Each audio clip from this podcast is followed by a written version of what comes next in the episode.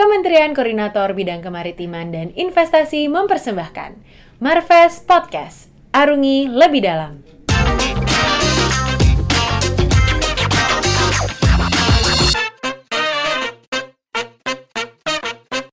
Hai tim Marves, balik lagi di Marves Podcast.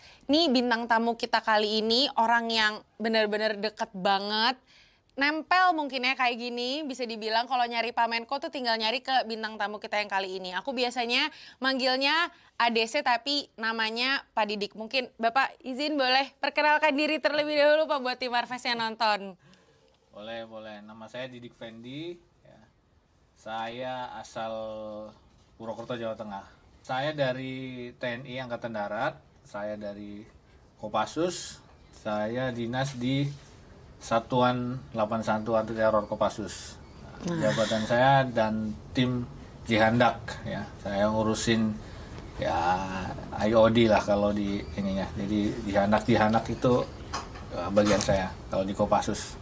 Sejujurnya tim Marves aku kurang ngerti itu apa tadi yang dijelasin karena bukan dari tentara kan jadi kurang paham tapi keren Pak Didik keren banget Iya. Ya.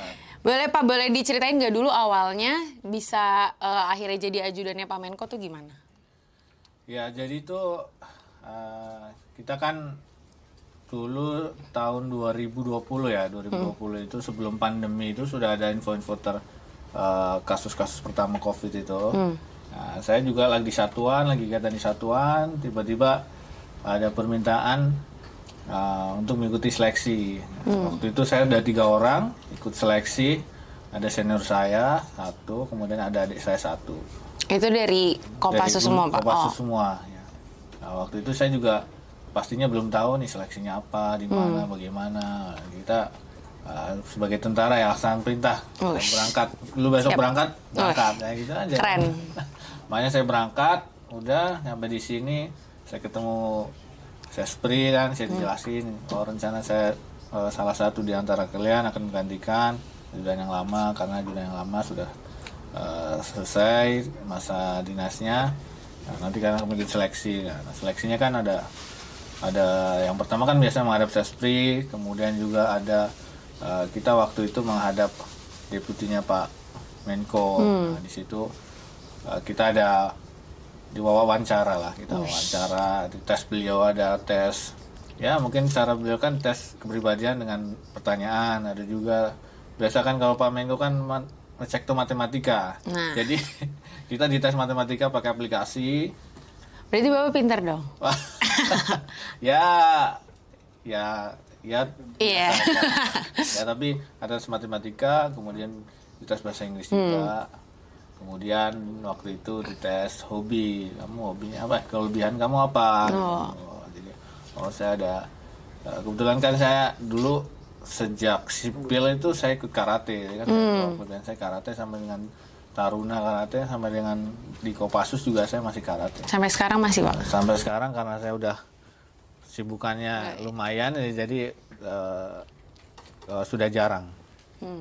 Nah, sampai dengan ya ada hobi kamu apa selain karate apa gitu. Jadi Tapi semuanya. awalnya pernah nggak Pak? Maksudnya waktu masuk nih jadi tentara kepikiran kayak pengen deh jadi ajudan menteri atau waktu itu karena ya udah ditugasin ya udah akhirnya berangkat gitu. kalau pengen saya sebenarnya dulu tuh lihat kan jadi letting saya itu di Kopassus khususnya itu banyak yang jadi ajudan juga. Ada dulu ajudannya Bapak Kasat ada waktu itu ajudannya Bapak Panglima ada juga ajudannya Kasum. Wah itu banyak. Jadi di situ saya lihat kalau ditanya pengen pengen juga. Oh pengen juga saya uh, bisa melekat dengan uh, seseorang yang menjadi kayak ya, ya bisa dikatakan pejabat lah. Tapi di situ saya melihat bukan sebagai pejabat tapi sebagai orang yang uh, mempunyai kapasitas menentukan suatu kebijakan yang berlaku untuk luas itu. Itu apa yang dia lakukan gitu loh. Apa yang dia apa yang beliau-beliau itu eh, eh, kerjakan Nah, pemikirannya bagaimana sebenarnya dari mana aja sih apa murni pemikirannya gitu. Jadi sebenarnya kalau tanya pengen pengen juga dulu cuma kan saya berpikir ah, tapi kayaknya udah nggak mungkin lah ini kan kasat udah ada.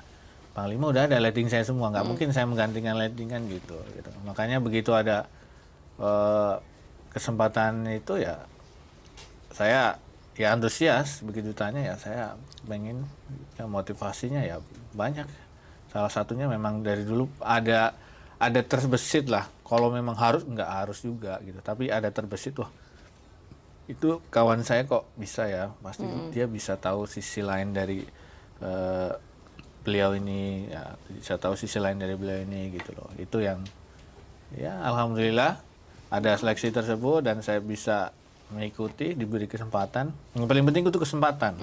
Belum tentu. Ada orang- kesempatan. ada kesempatan. itu. Makanya saya bersyukur.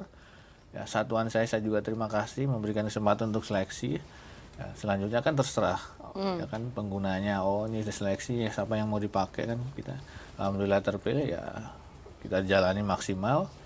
Ya, kita berbuat yang terbaik. Sesuai sama yang Kopassus berbuat selalu yang terbaik. Tulus dan ikhlas. Nah, itu guys. Nah, mulai bergabungnya kapan berarti, Pak? Nah, itu waktu pandemi itu saya ingat sekali 2020 bulan Mei. Nah, itu saya masuk waktu itu saya langsung dipanggil. Waktu itu kita tiba-tiba tinggal satu orang. Ya satu orang kamu langsung ke kantor Marves sekarang juga. Waktu itu saya ke sana ke kantor Marves. Waktu itu Bapak Bapak ada kegiatan dengan Ratu Belanda kalau nggak salah ya, Rat- eh, Ratu Belanda. Nah, saya langsung datang ke tempat beliau, eh, langsung nyambut beliau di hotel. Kemudian dari beliau, udah ikuti. Nah, saya ikuti kegiatan beliau lihat. Kita kan masih baru, kita lihat-lihat. Eh, saya juga nggak nggak sadar tiba-tiba nanti kamu ikut kegiatan karena beliau Oh, kan berarti itu Bapak datang langsung. Dantung langsung in charge, langsung nempel. Jadi ikut kegiatan Ratu Belanda di masih di Jakarta, kemudian Bapak bilang nih Ratu Belanda mau ke waktu itu ke Silangit kan. Kamu ikut langsung. Saya tidak ada persiapan apa-apa itu, langsung ikut. Langsung telepon sana sini. Wah, nih. Tolong siapin baju ganti saya. Saya telepon ke Iya. anggota di satuan tolong siapin. Akhirnya saya gimana caranya udah siap bisa uh, ikutin langsung, ikut naik waktu itu. Padahal itu belum ada pengalaman apa-apa ya, Pak. Belum tahu. belum. Ya, jadi kita masih tandem lah sama yang lama. Waktu itu Hmm. rekan saya uh, naik, saya ikut lihat, oh begini kegiatan Pak Menko. Dan apa yang harus saya lakukan? Ya, sejak saat itu udah diberitahukan, udah nanti kamu naik dulu, mungkin dua minggu atau tiga minggu, lihat uh, biar tahu lah apa tugas yang dikerjakan gitu. Nah. Itu waktu itu, itu satu minggu sebelum COVID. Jadi setelah saya naik satu minggu, Langsung langsung ada kebijakan PSBB itu. Nah, itu udah saya saya langsung kegiatannya di kediaman terus. Vicon, Vicon tapi menurut saya wah ini Vicon, Vicon terus ya nggak. Tadi kan dengar-dengar dari ajudan yang lama kan Bapak kegiatannya Pergi-pergi kok pergi-pergi terus. Bisa keliling Indonesia bahkan kadang keluar negeri mungkin bisa ya sering lah gitu loh. Makanya ya tapi di situ banyak belajar juga gitu loh. Sebenarnya berarti tugasnya tuh jadi ajudannya Pak Menko apa aja, Pak? tugas ya kalau tugas yang yang saya lihat sampai saat ini ya tugas yang pertama itu jelas keamanan ya keamanan. Keamanan kenyamanan kemudian kelancaran. Hmm. ya ini yang tiga ini. Keamanan kan saya manajerial tapi bertanggung jawab penuh. Paling melekat. Karena kan saya dibantu ada walpri bapak Iya. pengawal pribadi. Ya, jadi saya di sini melekat kemudian saya mengorganisir walpri ini. Lu harus berbuat apa lu harus berbuat setiap pagi kan kita apel Iya. pagi kan. Apel pagi ya kegiatan Pak Menko ke sini ke sini ke sini. Nah, nanti saya minta kalau saya biasanya eh, kegiatan Menko di sini pokoknya saya minta satu orang melekat satu orang di depan. Saya di belakang. Nah, nanti apabila ada hal urgent kita udah briefing lah Iya. antara Walpri dengan saya. Ini keamanan ya keamanan beliau. Eh, pokoknya gimana beliau aman gitu. Nah, tapi kan beliau ini orangnya kan low profile. Jadi beliau tidak suka yang wah minggir Iya, minggir beliau tidak suka. heboh beliau gitu ya, Pak? makanya beliau Walpri beliau kan dari Kopassus juga biar kita kecil tapi berkualitas. Hmm, jadi silent tapi ya, bisa mematikan gitu. Jadi kita Jangan takut ya, Markas. Nggak, nggak menakutkan kok tapi. intinya kita koordinasi baik tenang santai Hmm. tapi apa apa aman. Ya pertama keamanan yang kedua kenyamanan. Ya bapak nyamannya bagaimana sih? Ya kita siapkan Hmm. agar bapak nyaman oh bap- misalnya mulai dari tempat duduk mulai dari kegiatan jadwal dan, lain sebagainya harus kita harus tahu oh bapak sukanya begini nah, kita menyiapkan oh.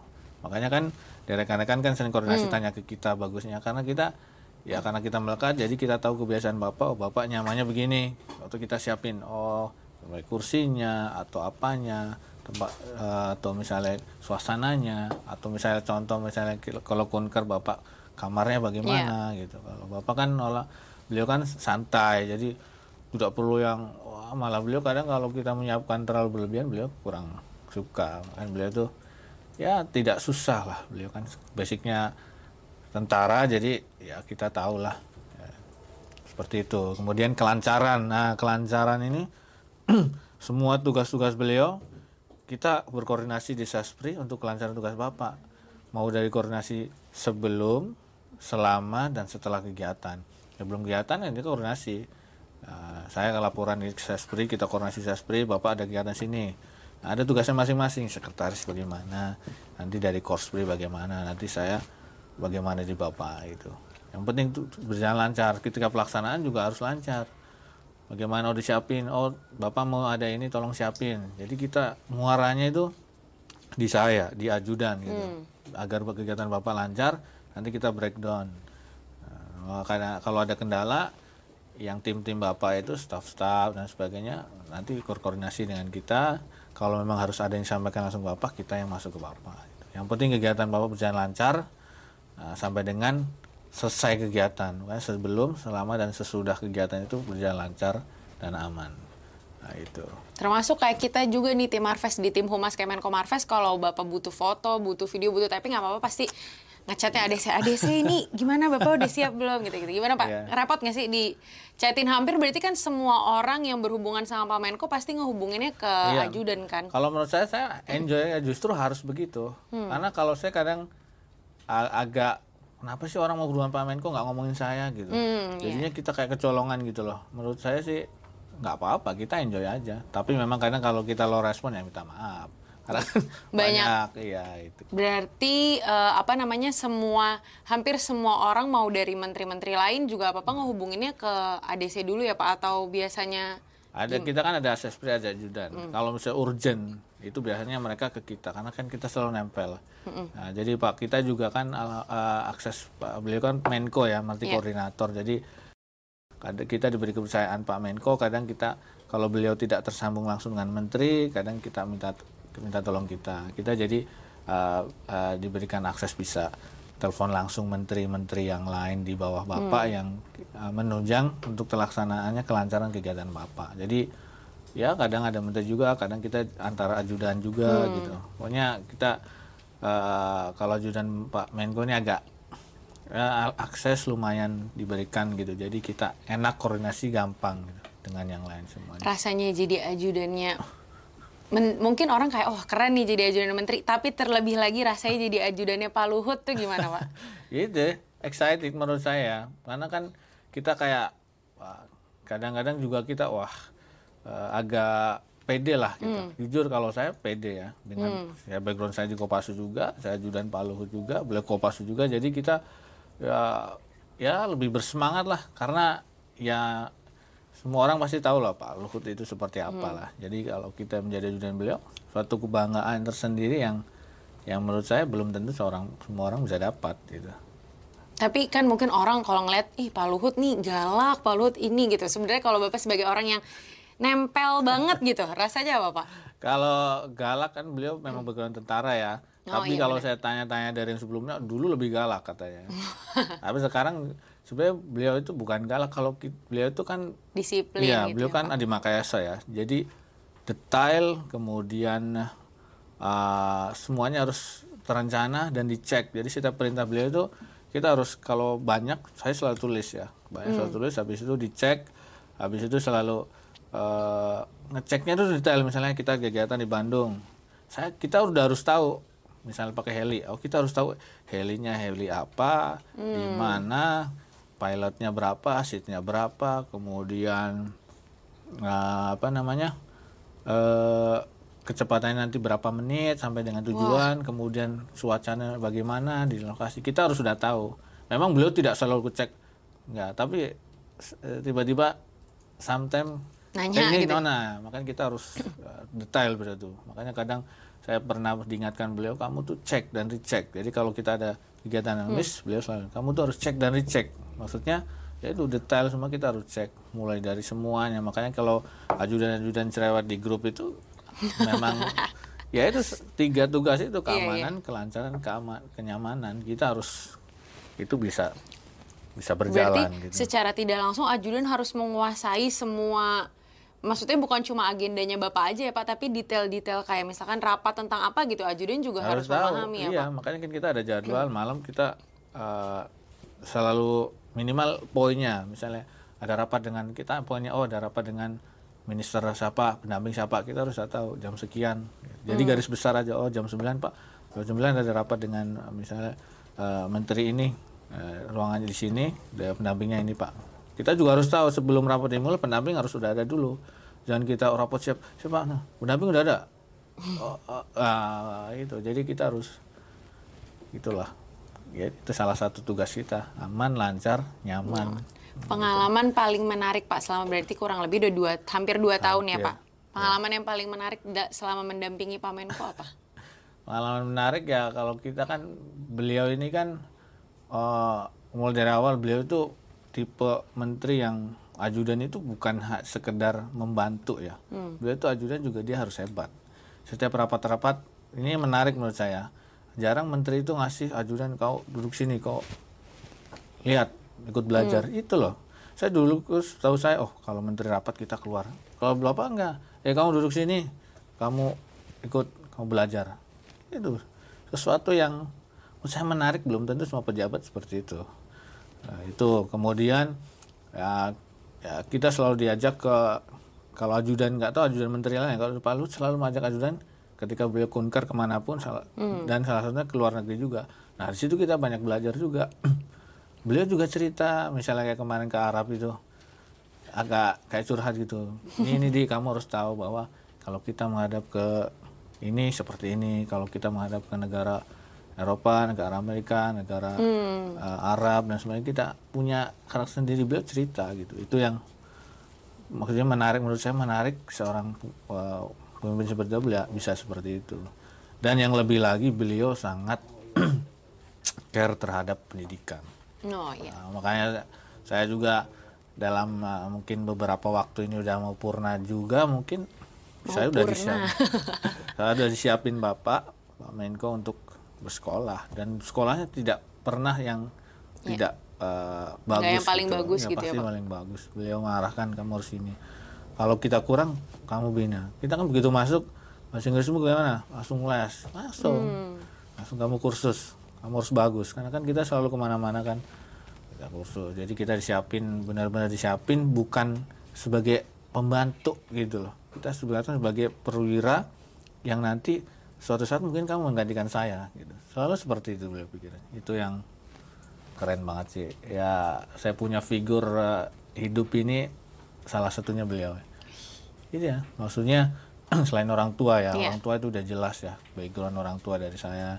Dan eh, saat ini ada orang tua dari istri saya itu dua background yang selalu ada tambah beliau ini. Jadi kehidupan beliau cara eh, mengambil keputusan beliau itu keren sih lo kalau mungkin mungkin ya istri saya juga kadang ya ini kamu udah gaya-gayanya udah kayak Pak Luhut."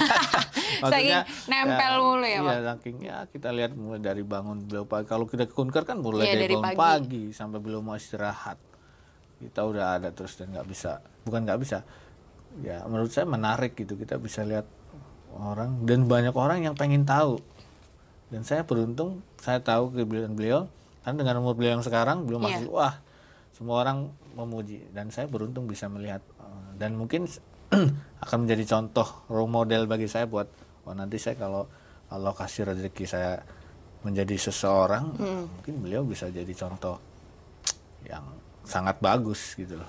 Nah, ini Pak, tadi kalau keluar kalau di kunker di eh, di daerah, maksudnya di Indonesia kan banyak perangkat-perangkat dari kantor yang bisa nemenin ya, bisa bantuin ajudan gitu. Kalau keluar negeri kan sendiri tuh Pak, itu rasanya gimana? Padahal kadang kan Pak Menko lama berhari-hari gitu. Berarti kan semuanya harus ajudan yang Iya. ngatur kan. Itu Iya, kalau di luar negeri itu memang full kita dari bangun tidur sampai sampai tidur lagi kemudian kegiatan apa kan tapi kan pasti ada orang kantor sih Ya, tapi kita benar-benar yang eh, menjadi ya semua yang beliau butuhkan kita harus wadahi. Tapi memang beliau itu kan orangnya tidak susah.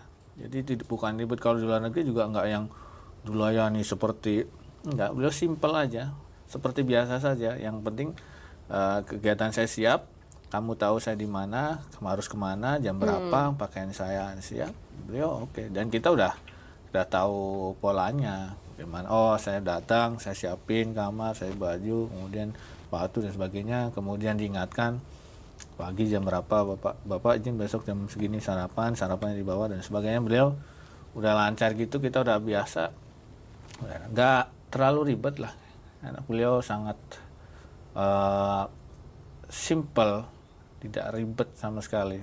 Pengawal juga satu cukup gitu loh. bagi bagi beliau kan Kopassus itu kan kecil tapi berkualitas gitu sedikit berkualitas bukan banyak banyak orang tapi cuma ribut-ribut aja seperti itu jadi menurut saya di, di luar negeri ya berapa hari saya eh, Paling lama pernah ke mana Pak? saya kan uh, udah saya udah pernah ke Cina Hmm. udah Cina udah dua kali bareng bapak waktu vaksin kemudian ke US uh, ke Arab kemudian uh, iya sih dan rencana besok kan mau ke Singapura Oh iya, Ya, betul. makanya ya kalau saya paling lama itu biasanya satu satu minggu lima sampai satu lima hari sampai tujuh hari lah gitu. tapi menurut saya itu udah ya bisa lah tidak terlalu sulit tapi bisa kita Nah tadi kan Pak Didik sempat mention sebentar lagi udah mau udah mau berganti nih karena mau melanjutkan pendidikan gitu. Berarti yang paling apa ya? Yang paling berkesan selama dua tahun ini apa Pak? Yang pasti kan banyak ya dukanya juga tapi yang paling bener-bener berkesan sampai kayak wah ini memang bener-bener ya itu tadi kesempatan dan pengalaman yang nggak akan pernah bisa tergantikan lagi.